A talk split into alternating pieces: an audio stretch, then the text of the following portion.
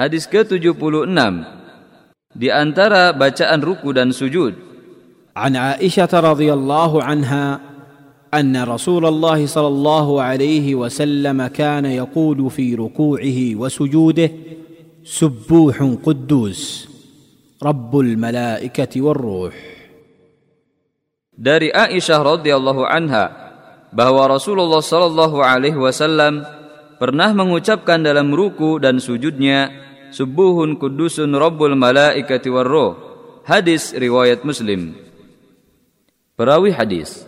Lihat hadis nomor 5 Beberapa faedah hadis ini adalah hendaknya sewaktu-waktu seorang muslim ketika sujud dan ruku membaca Subuhun kudusun Rabbul Malaikati Warruh yang artinya Maha Suci, Maha Sempurna, Tuhan para malaikat dan Jibril demi mengikuti sunnah Rasulullah Sallallahu Alaihi Wasallam.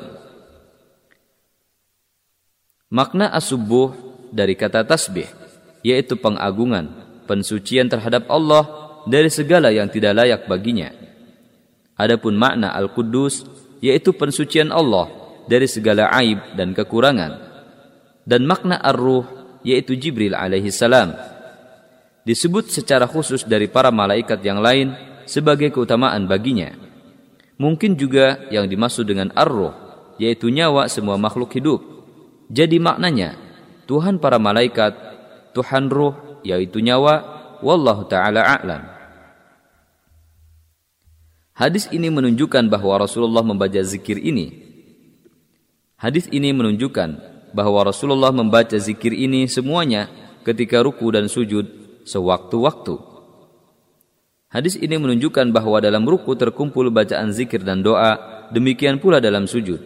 Akan tetapi, ketika Nabi Shallallahu Alaihi Wasallam bersabda, "Ammar ruku' fa'azimu fihi Rabb azza wa jalla, wa amma sujud fajtahidu fihi du'a, faqaminun an yustajaba lakum." Adapun ruku', maka agunganlah Tuhanmu di dalamnya. Adapun sujud, maka sungguh-sungguhlah berdoa di dalamnya, karena sangat dimungkinkan untuk dikabulkan bagi kalian. Hadis riwayat Muslim. Hadis ini menunjukkan bahwa hendaknya dalam sujud diperbanyak doa, sedangkan dalam ruku hendaknya memperbanyak mengagungkan Allah Azza wa Jalla.